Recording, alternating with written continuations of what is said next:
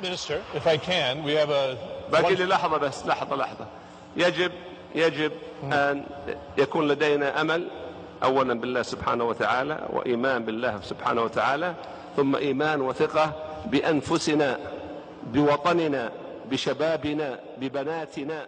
أهلا وسهلا بكم في HR Gurus. معنا محمد الصقعبي. HR Gurus هو بودكاست متخصص في مجال الموارد البشرية نستضيف من خلاله خبراء وقيادات وطنية لمناقشة مواضيع وممارسات وقضايا الموارد البشرية في بيئة العمل حياكم الله معنا في الجزء الثاني من حلقتنا عن موضوع ثقافة المنظمة مع الدكتورة دعاء ميرا. طيب دكتورة دعاء لو سألتك عن آه، البيئة السامة آه، وهو بعد أيضا مصطلح بدأ ينتشر كثير الفترة ال- الأخيرة. نعم.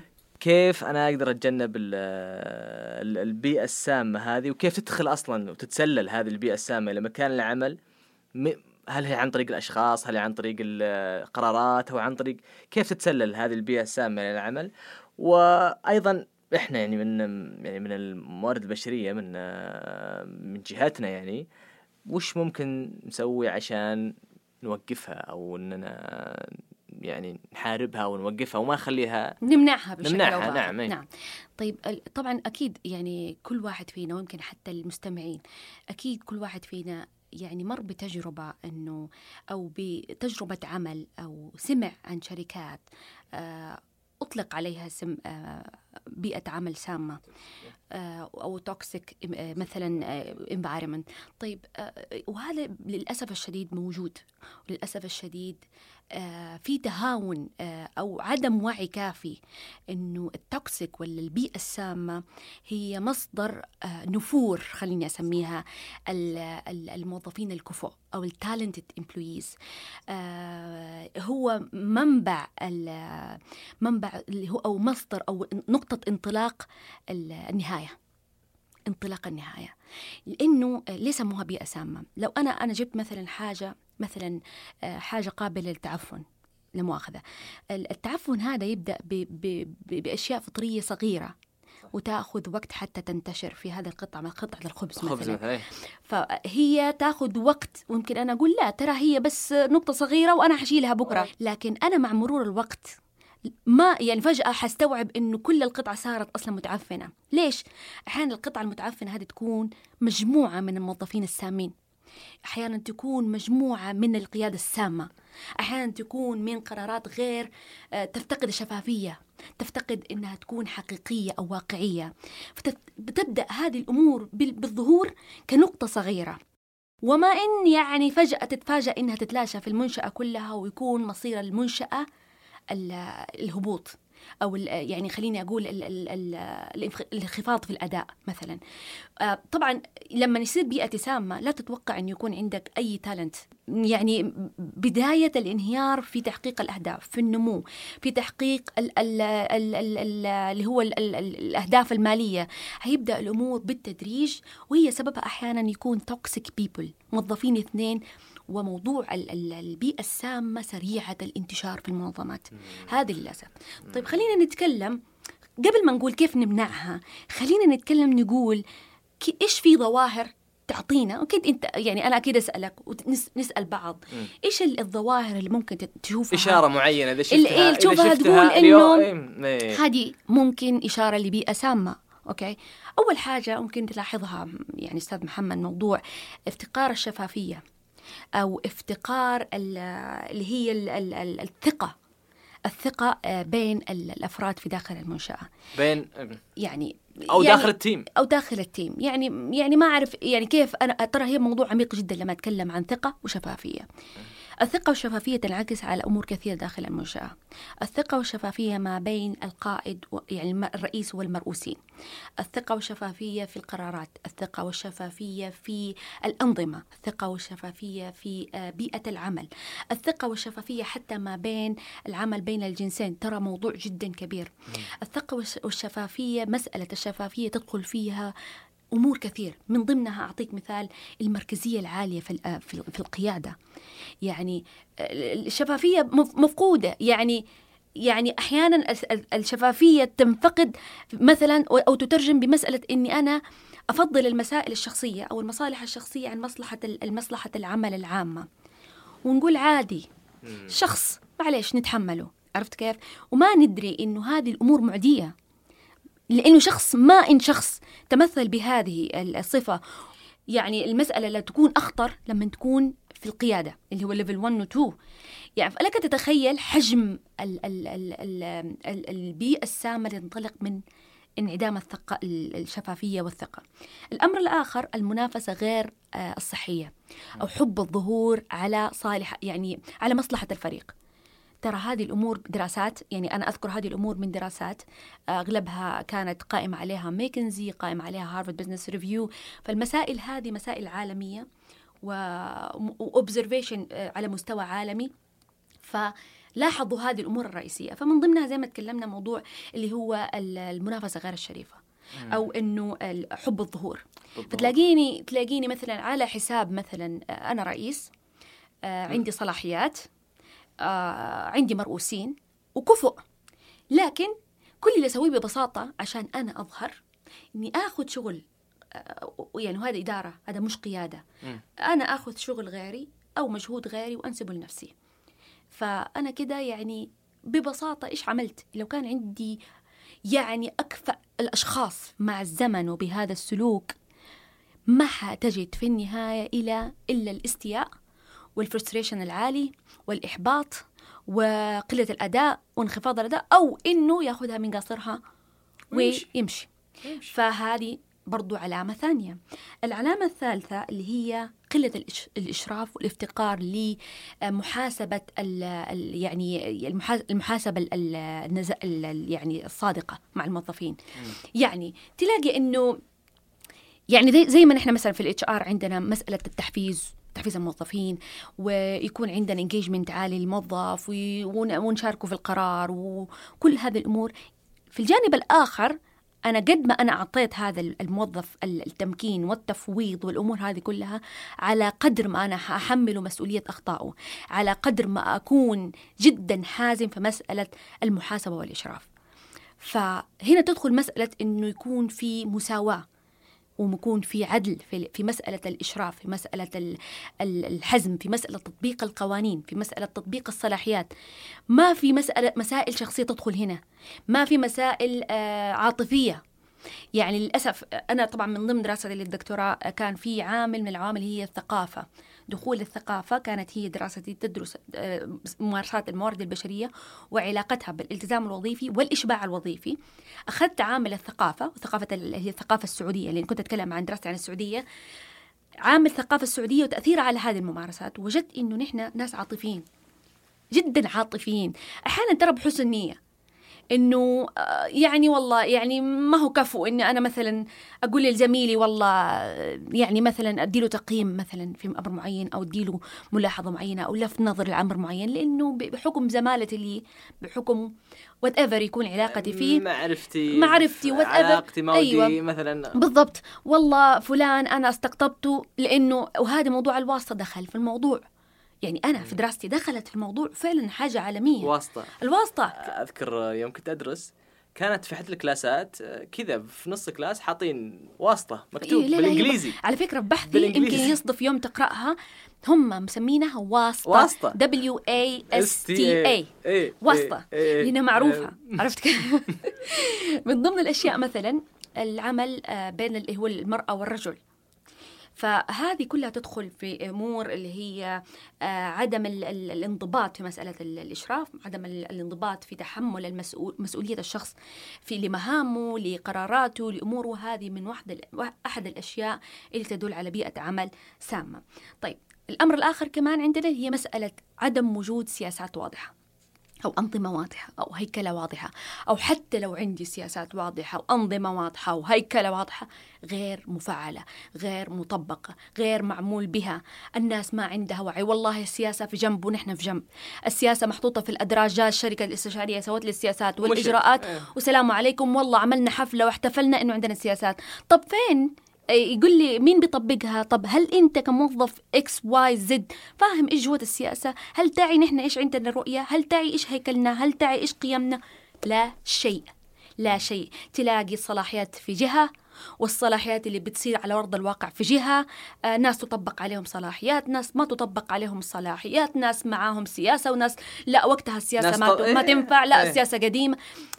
يعني يعني أمانة أنا أذكر أشياء يعني فعليا بداية انهيار أي منظمة. والمنظمة. كل منظمة تمثل جزء من هذه هذا الوطن. فأنا أتكلم أنه ثقافة المنظمة هي ليست مسألة فردية أو مسألة شخصية. لا أنا أتكلم عن مسألة عامة. الآن نحن مع رؤية 2030 نحن آه يعني مع جودة الحياة. هي واحدة من مبادرات آه سمو ولي العهد اللي هي جودة الحياة. فبالتالي أنا أتكلم عن شيء ما هو اوبشنال ما هو خياري. صح. أنا أتكلم إنه it's the time إنه تفكر كيف ما تكون بيئتك سامة. ما هو بي ما هو باختيارك. لا هو إجباري أنت كمواطن تكون حريص إنه هذه المنشأة سواء كانت قطاع خاص أو حكومي أو شبه حكومي أو أو أو, أو, أو خاص أو غيري أو ما تسعى ذلك. أن يكون لا توجد فيها هذه البيئة السامة. طبعا آخر شيء اللي هو ال- الموظفين اللي يكون عندهم احتراق وظي- وظيفي أو القادة اللي يكون عندهم احتراق وظيفي. إنه ال burnout ال job burnout ال job burnout هذا ببساطة إنه آه، يعني نحن كان يعني عندنا اعتقاد على فكرة يمكن حتى أنا مؤخرا بدأت أستوعب هذا الأمر إنه كل ما أنا كنت مثلا مسؤولة أو قيادية وألاقي الموظف اللي تحتي يجلس بعد الدوام يجي قبل الدوام يشتغل في ال weekend آه، تلاقيه مسكين آه، محيوس في في المهام وال, وال, وال ويعني تلاقيه طول الوقت أنا أكلفه مهام واعطي له مسؤوليات. وهو يعني إنسان شغوف ومتحمس ويعطيك. تمام؟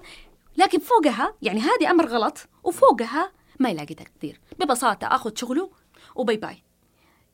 أنت عارف إنه هذه من أكثر الأشياء الهدامة لثقافة المنظمة إنه لا الاقي ال appreciation وفوق هذا كله أنا بأسعى إني أبني ال job burnout لكل موظف عندي. فببساطه حنوصل لنفس النتيجة.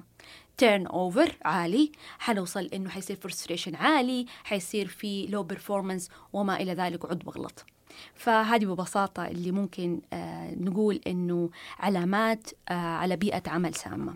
طيب كيف نتجنب هذه ال- ال- اللي هو بيئة العمل السامة؟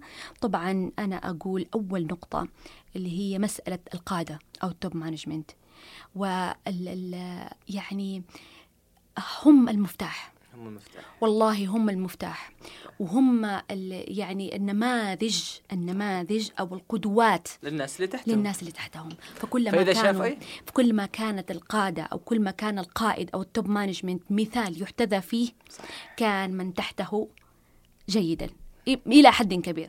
كل ما كان رب البيت عارف إيش بيسوي وكان هو قدوة ومثال لو انت جيت شفت مثلا في بيتك أو انت كأب أو أنا مثلا كأم إذا أول شيء تلاقي الطفل يحاكي تصرفات امه وأبوه صحيح تيجي تقول له عيب مثلا نفسها. أي مثلا اي تلاقي تقول له عيب ما تسوي تقول يقول لك أنت تسوي يا ماما صح، كده صح. فهذا بالضبط يعني هذا نتيجة حتمية فبالتالي نحن يعني يعني نبدأ بالحديث عن القادة عن دورهم في آه، نشر اللي هو ال- ال- اللي هو ال equality في المؤسسة أو المنظمة.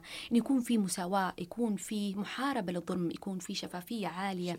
الأمر اللي جدا مهم اللي أحاول إني أنا دائما أنوه عليه اللي هي ال ال effective communication أو التواصل الفعال.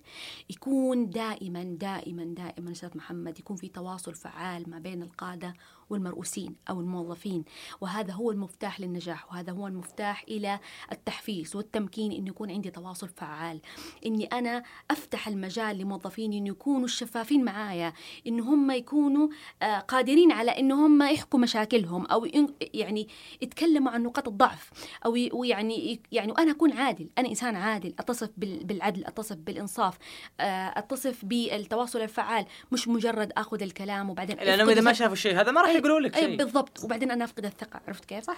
النقطة الثالثة والأخيرة يمكن اللي أنا ممكن أتذكرها الآن اللي هي مسألة اللي هو آه توظيف الأكفاء. زي ما أنا يعني أحرص أن يكون عندي قادة آه ناجحين أنا أحرص أن يكون عندي موظفين يتماشوا مع هذه آه مع قيم أو معتقدات هذه الشركة. ليس كل موظف مؤهل أن يكون أو متناسب أو اتفتس هذه الثقافة. فلا بد أن نكون حريصين جدا جدا إنه نحن نختار ب آه، بحرص. يمكن يكون يتناسب مع ثقافة أي، شركة بالضبط. ولا يتناسب مع ثقافة. بالضبط، بالضبط. ولو شرط هذا صح أو هذا غلط. بالضبط. يعني أنا أديك مثال مثلا. أ- أمس سألت سؤال في تويتر. قلت إيش الوظيفة اللي ما تناسبك؟ أعطيني أمثلة عن وظيفة ما تناسبك. شفت أجوبة؟ يعني ال- ال- المختصر المفيد بخصوص هذا اللي هي مسألة التوظيف وتكون حريص على التوظيف. واحد قال مثلا يعني أنا كنت استعجبت.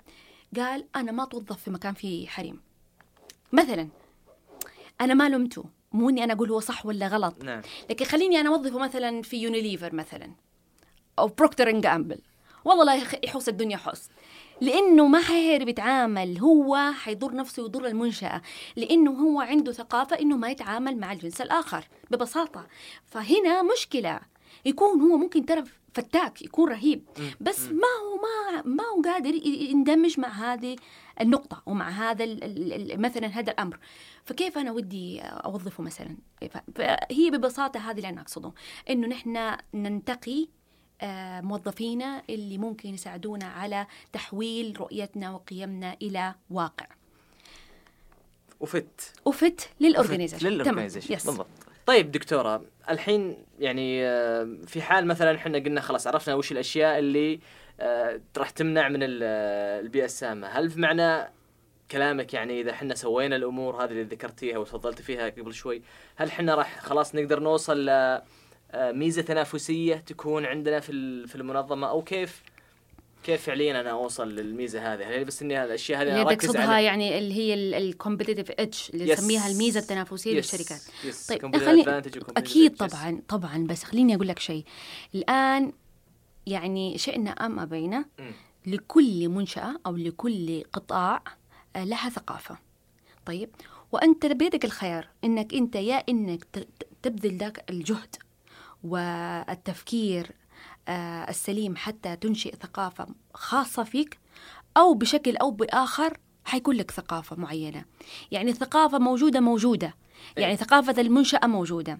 فهؤلاء خلينا أتكلم أنه اللي, اللي اللي يجتهدوا أنه يكون عندهم ثقافة منظمة قوية اللي تبتدي من مسألة زي ما ذكرنا من قيم آه راسخة ومن رؤية واضحة ومن توجهات واضحة وبدأوا يترجموها على هذه ال- السياسات والإجراءات. هم من إيش؟ يمتلكون هذه الميزة التنافسية. كيف؟ خليني أعطيك مثال هنا. تكلمنا على هذه الأمور كثير. عندك مثلا خلينا ناخذ مثال أبل. تمام؟ آه ستيف جوبز آه كان يقول إنه آه كان عنده زي المقولة إنه fix the culture and everything will be fixed أو حاجة زي كده. إيش يعني؟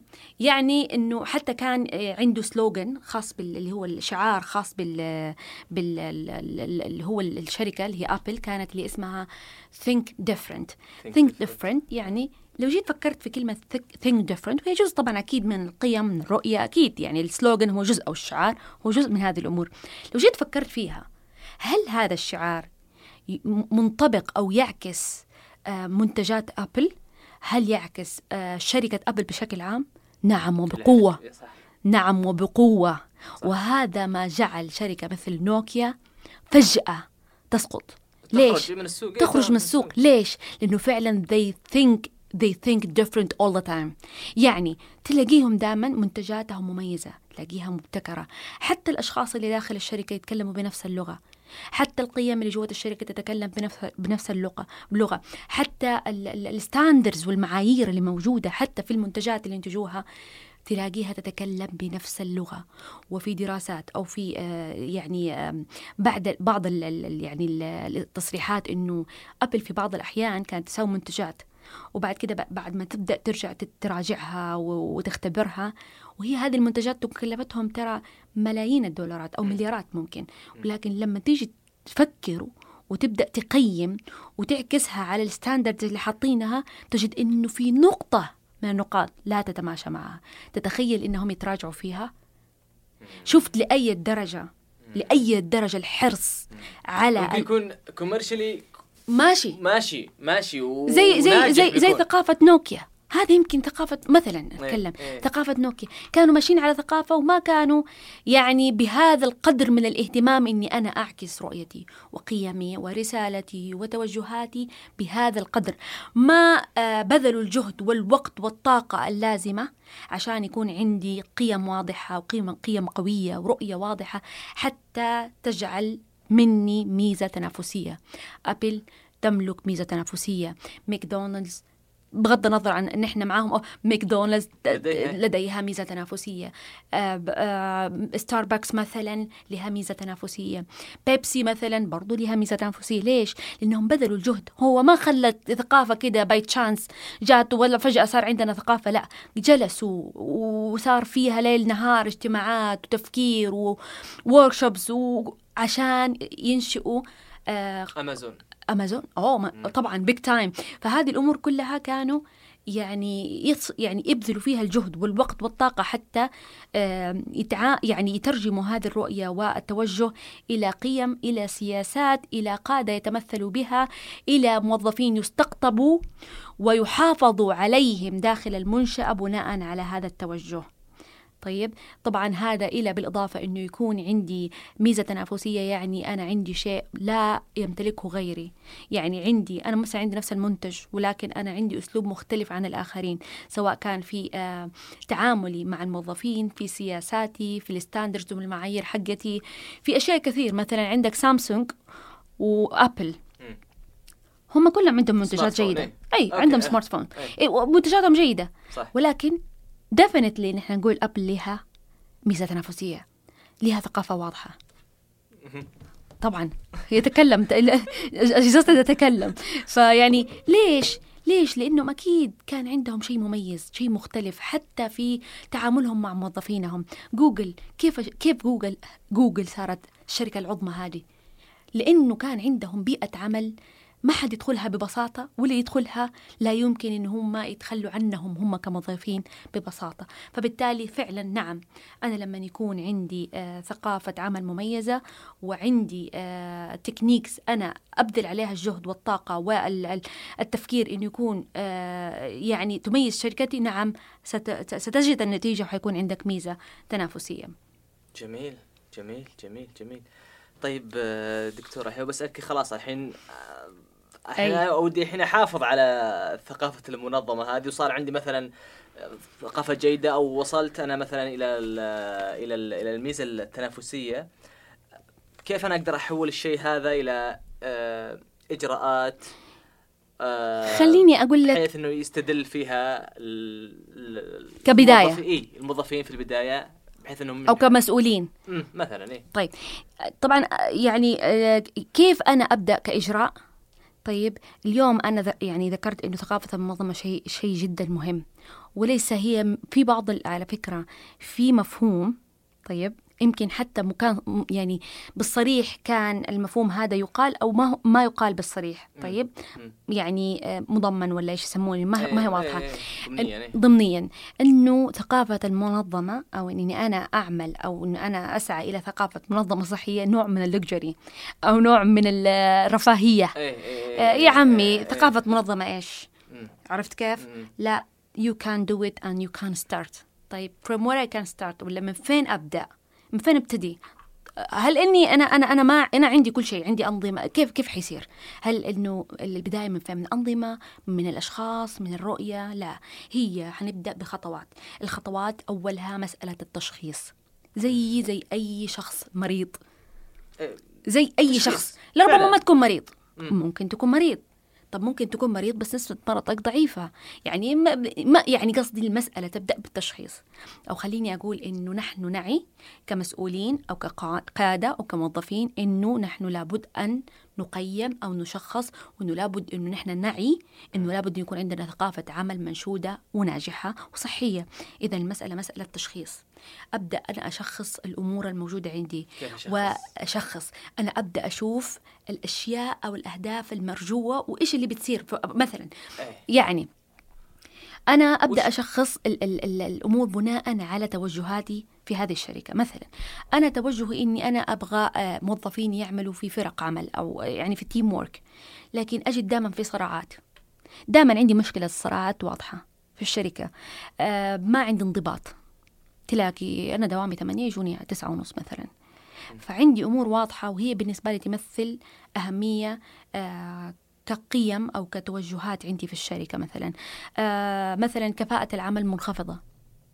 فهذه الأمور كلها طيب تبدأ في التشخيص طبعا. في tools على فكرة. في tools موجودة الآن في السوق. إيه هذا كان قصدي. إيه، يعني في tools طبعا. طبعا. إيه، في tools test يعني معين، test معين وفي.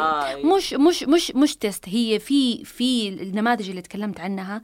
وكل نموذج والشركة اللي تابعة لي أو الجهة اللي تابعة لي مثلا لها يعني لها معايير معينة و service. معينة و tools معينة وبتساعد على مسألة التشخيص يعني أنا أنا بس ماني حابة أتطرق على أكنها يعني أنا ماني حابة أتطرق على مسائل مثل هذه إيه. أنا أتكلم إنه حيصير تشخيص أنا مو إني جاية أقول إنه لازم تشخصوا عن طريق, عن طريق فلان طريق فلان أو الجهة فلان. No. no no أنا أج- أقول إنه لازم تشخصوا. التشخيص لها معايير أو لها tools معينة ومن ضمنها إني أنا عشان أشخص حتى الشخص اللي يجي يشخص مثلا خليني أقول X أو Y من الشركات حيسألك يقول لك أنت إيش توجهك؟ حيسألك أنت كقائد أو كمدير قسم أو يعني حيبدأ يعني يعمل 1 to 1 meetings أول شيء عشان أفهم أنت إيش تفكر.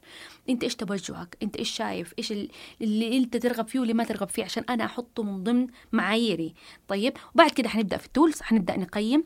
بعد ما نقيم حنبدأ نبني طيب توجهنا الجديد رؤيتنا الجديدة قيمنا الجديدة. تمام؟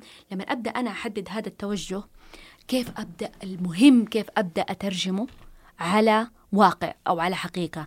فطبعا لابد إنه عشان أنا أترجم هذه القيم أو ال- ال- ال- التوجه هذا الجديد برؤيتي الجديده بتطلعي الجديد إلى أمر ملموس فلا بد يتكلم عنه أو يتحدث عنه جميع الممارسات داخل أو الوسائل داخل الشركة سواء من آه، سياسات. سواء من أنظمة سواء من هيكلة سواء من آه، موظفين وتطويرهم سواء من تمكينهم من تفويضهم من آه، مسألة اندماجهم في هذا الأمر. آه، في مسألة يعني في كل شيء داخل الشركة لابد أن يتكلم عنه هذا القيم وهذه التوجهات. لابد أنه كقائد أكون مسؤول أني أترجمها خلال ورش عمل خلال مثلا رسائل موجودة مثلا على الممرات تكون آم، والأك... الأهم من هذا كله أنا أتكلم إنه جميع الوسائل اللي تترجم هذه التوجهات إلى أمور ملموسة والأهم من هذا كله إنه الممارسة بالقدوة. يعني القادة لابد أن يكون القادة لابد أن يكونوا آه يعني انعكاس لهذه التوجهات حتى أكون مثل أو يعني وسيلة هامة أو محورية ترى. يعني ك- ياما شوف نموذج إيه نموذج لل- نموذج لل- للتغيير أو نموذج للتغيير. لهذا ال- لهذه الثقافة. فهذه كوسيله طبعا إيش حيصير بعد كده؟ حيصير في نوع طبعا وجدوا في دراسات اتكلمت قالت إنه أي أمر تبى تحوله من آه، مثلا قيمة أو عندك value معين أو آه، يعني شيء معين تبى تحوله إلى عادة غالبا ما يأخذ هذا الوقت من آه، ثلاث أسابيع I think إلى آه، عشر أسابيع. يعني في في دراسات قالت ثلاثة في دراسات قالت عشر أسابيع تمام؟ يعني من ثلاثة إلى عشرة ممكن خمسة ممكن ستة بس أقل شيء ثلاثة أسابيع. إيش يصير في هذه المرحلة؟ مسألة الممارسة والتعزيز والتشجيع ومسألة اللي هو ال- ال- التكرار. يعني إيش؟ يعني ابدأ بعد ما مرحلة نحن قيمنا شخصنا بعد ما شخصنا حطينا توجهنا جديد نبدأ ترجمة أو عكس هذا ال هذه ال ال الأشياء اللي أنا حطيتها أو القيم أو التوجهات الجديدة أعكسها زي ما أنا قلت بال- بالطرق اللي أنا ذكرتها. وبعد كده كيف تستمر؟ عشان نبدأ نخليها نحولها إلى عادة. نبدأ بمساله مسألة اللي هي الممارسة والتشجيع والتحفيز والمتابعة المستمرة. يعني أعطيك مثال مرة مبسط. عندك ابن أو ابنة. في عمر السبعة ثمانية سنوات وتبى تعودها إنه مثلا آه ترتب سريرها بعد ما تصحى من النوم. تقول لها مثلا أول حاجة حتقول لها شوفي نحن حنتفق أنا أديك مثال بسيط وترى فعلا هو ده مطبق. إنه ترى شوفي أنا آه لما نتفق إنه اللي يرتب سريره إنسان مرتب إنسان منظم آه إنسان يكون يعني حتحبب الفكرة ليها زي ما قلنا نحن القيمة نحولها إلى معتقد عشان يصير سلوك. يقول تقول لك خلاص اتفق إنها تقتنع بالفكرة وتقول لك إيوه صح. لكن يوم رتبت سريرها ثاني يوم جات سيبت سريرها. تقول لها لا تعالي رتب السرير. فأنت حتقعد إيش؟ تعزز آه، تشجعها وتحفزها وتستمر معاها. لو استمر استمرت معاها بهذا السلوك لمدة ثلاث أسابيع الدراسات تقول لك إنه لا محالة خلاص تتعود وتتحول إلى عادة. نفس الشيء بالنسبة لي مسألة ال- الشركات. خلينا نعطي مثال مثلا في الشركات. لو مثلا أنا بيكون عندي مسألة اللي هو نظافة المكان. أنا اكتشفت وكان من ضمن تشخيصي كان في آه يعني انخفاض في مسألة ال- اللي هو النظافة الهيجين حق ال- الشركة مثلا. فأنا أنا أبى أرفع اللي هو ال- ال- ال- المستوى النظافة في الشركات مثلا. تلاقي دائما القوارير الموية مرمية على الطاولات مثلا. فنبدأ نحن نبغى هذه رغم إنه شيء ترى بسيط وبس أنا بعطيك مثال. فتبدأ أنت مسألة إنه كل موظف تبدأ إيش؟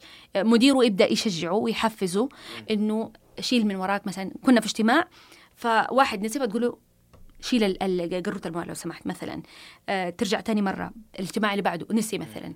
آه جلست مع في اجتماع آه مثلا مصغر أو في مكتب ونسيها ترى أنت نسيت مع التكرار ومع المتابعة حيبدأ المسألة يعتاد عليها. يعتاد عليها. خلاص طيب. بتصير من دون ما حد يقول له. بالضبط. كيف نحافظ عليها محمد؟ نحافظ عليها بإنه حتى لما يدخل عضو جديد داخل الشركة يبدأوا الموظفين يعززوا هذا السلوك. يعني إحنا خلاص حولنا المعتقد إلى عادة. طيب بعد العادة لا العادة هذا لابد إنه يصير في تعزيز. مسألة التعزيز التعزيز حتى يستمر هذه تستمر هذه العادة. يعني أنا أشتغل على الموضوع يعني واتعب وثلاث أسابيع لكن بعد كده أنسى الموضوع وما يصير في تعزيز من فت- فتره والتانيه ما يصير في مثلا تشيك اب من فترة والتانيه ما يصير في تقييم من من فترة والتانيه ترى أي. أي حاجة حتفقد تعرف أي شيء في حياتنا في هذا يعني سبحان الله نحن كطبيعة بشرية نحن نحتاج إلى دائما من يذكرنا نحتاج دائما من يعزز لنا دائما من ي... لابد أي حاجة في الحياة تحتاج إلى ممارسة حتى تستمر فحتى لما بعد كده تبدأ الموظفين يعني يكتسبوا هذه العادة. يبدأ حتى لما يدخل شخص جديد عليهم يبداوا هم يقودوا هذه مرحلة التعليم. فتلاقي كل موظف يبدأ يعلم الموظف الجديد هذا إنه ترى لا نحن ترى في الاجتماع إحنا نسوي كذا نحن نسوي كذا. أي. أي. فهذه يعني من ضمن الأشياء. الخلاصة إنه آه لما بدي أبني أعمل تقييم أعمل تشخيص حدد الأهداف والقيم بعد كده أبدأ آه، أترجمها لواقع عن طريق الممارسة والتحفيز وال- والمتابعة وبعد كده آخر مرحلة مرحلة التعزيز. وسلامتك في هذه المرحلة.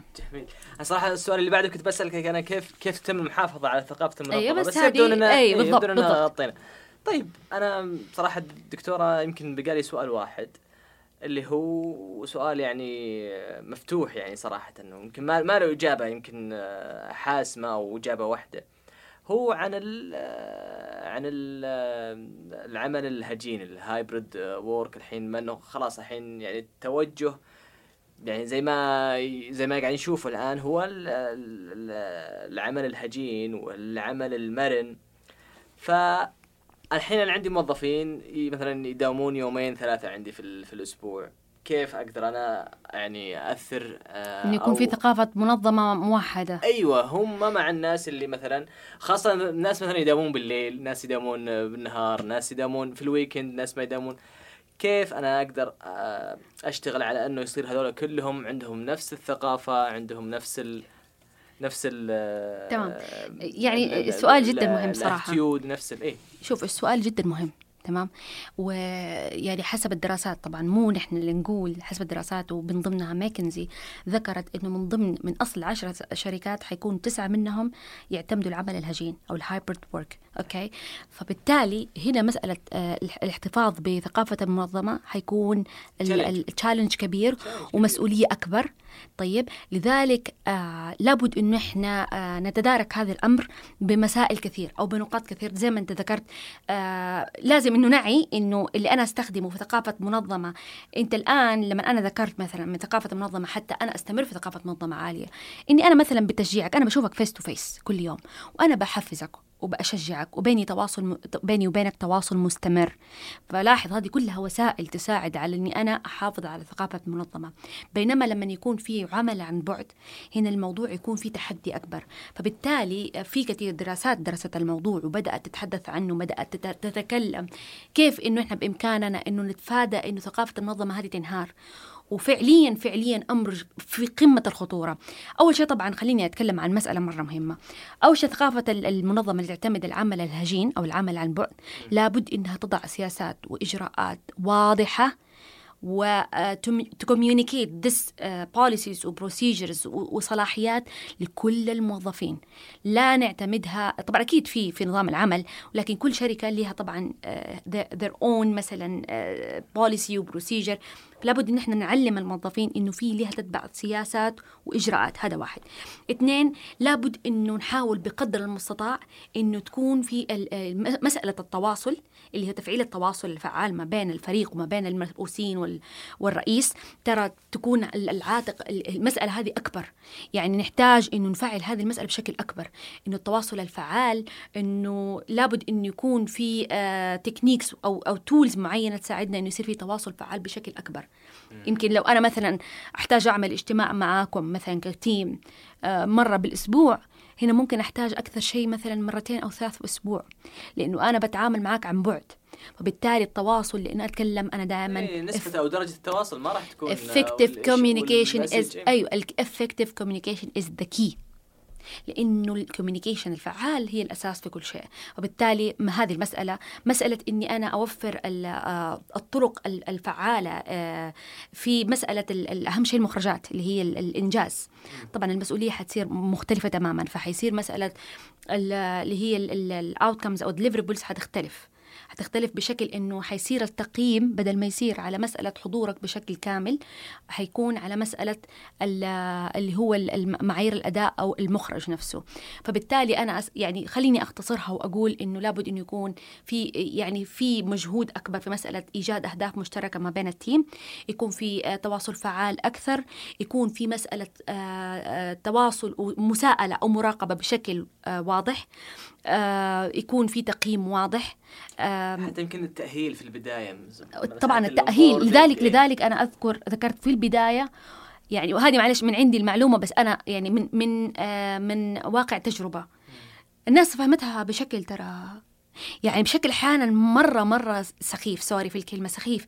لدرجة إنه تلاقي الواحد يقول لك إيوه عادي أنا اليوم بشتغل آه، كده فجأة يطلع يقول لك والله أنا بشتغل اليوم عن بعد أنا ما فيني أجي. يا عمي شغلة ما هي كده. شغلة فيها سياسة فيها إجراء إجراء واضح، فيها أيوة، work في- flow معين في ليها أنظمة معينة آه، حتى تقييمي ليك حيكون مختلف حتى حيكون المسؤوليات مختلفة الأهداف مختلفة. فالمسألة مسألة برضه. بالضبط حجم المشت... الشغل مختلفة. حتى مسألة تقوية ال- الروابط والعلاقات مع فريق العمل جدا مهمة. ما زلنا نحتاج أنه نحن نقوي روابط اللي هي العلاقات ال- ال- العمل هذه اللي هي ما بين الفريق مهمة جدا وتقع على عاتق ال- القادة أو ال- المانجمنت. أنه لابد يقووا هذه العلاقات بحيث أنه نحن نكون دائما حتى عن بعد محافظين على ثقافتنا مح- محافظين على أهدافنا محت- محافظين على قيمنا آه، حتى ونحن يعني في العمل عن بعد. جميل جميل جميل. استعراض صراحة رائع وأنا جدا كان صراحة مبسوط آه، الله يعطيك العافية. وألف شكر صراحة على حضورك وعلى تفضلك بالكلمات اللي قلتيها. الله يسعدك أستاذ محمد. شكرا لاستضافتك الكريمة وشكرا للمحاور الرائعة وال والمداخلات الجميلة جدا. آه، موضوع جدا شيق وأتمنى أنه تصير فيها حلقات وحلقات. أتمنى يصير فيها فعلا ورك وفيها توعية كبيرة إنه ثقافة المنظمات شيء جدا هام جدا كبير. ويعني هو الباب للنجاح ويعني للوصول بإذن الله. ويعطيك ألف الله. عافية. شكرا شكرا دكتور ما قصرت طيب يعني إحنا في النهاية يعني زي اللي قاعدين نرفع العلم أو هذه زي النداء للمنظمات بأن موضوع ثقافة الم- المنظمة وثقافة العمل آه، شيء مهم ولا عاد آه، يعني مسألة يعني لكجري بل هي موضوع حساس وموضوع أساسي في كل مكان. طيب إحنا يعني راح ناخذ زي الريفيو السريع أو ملخص آه، عن الحلقة، أول نقطة ذكرتها الضيفة هي كيف تشكل الثقافة وتكلمت على أنه الثوابت الأساسية. بعد كذا هذه الثوابت الأساسية راح تشكل المعتقدات ومن المعتقدات تستخلص القيم ومنها يصير في السلوكيات والتصرفات للأفراد. وهذا يمكن شيء ينطبق سواء كان على ال organizational culture أو ال national culture ثقافة ال- البلد أو ثقافة آه، الم- المنظمة. النقطة الثانية هي نقطة ال- العناصر الستة المكونة للثقافه وقلنا أول شيء ال- ال- الرؤية والرسالة والقيم والممارسات والأفراد. بعدين وقفنا عند ال- الفلكلور وتكلمنا شوي على انه كيف ممكن بعض الشركات آه، تتكلم آه، وتحاول تربط مع الماضي حق الشركة وكيف إنه يعني توصلوا لل- للموظفين. وهنا يمكن نتساءل أو يجيب على السؤال ليش إنه مهارة جديدة زي مهارة ال storytelling بدات الآن تنتشر وتصير مطلوبة. آخر شيء طبعا في المكونات الأساسية للثقافة كان مكان العمل وهذا يمكن يحتاج حلقة لحاله يعني. في نقطة أخيرة صراحة شدتني أنا كانت هي نقطة ال- الخلط بين الرضا وبين الموظفين المندمجين يعني. يعني يكون الموظف صحيح راضي عن مكان العمل ولكنه غير مندمج. فبالتالي يعني آه، إنتاجيته ما راح تكون بالشكل المطلوب. فهذه كانت يعني زي بعض الأمور اللي استوقفتني في في الحلقة. وأنا صراحة ما ودي ألخصها أو أتكلم عنها لأني ودي الجميع يستمع لها هذه الحلقة لاهميتها وكانت هذه النهاية ونلقاكم إن شاء الله الشهر القادم. شكرا لكم. كما قال وأردد ما قال سمو الأمير خالد الفيصل مكاننا الطبيعي في الصف الأول من العالم الأول. وشكرا.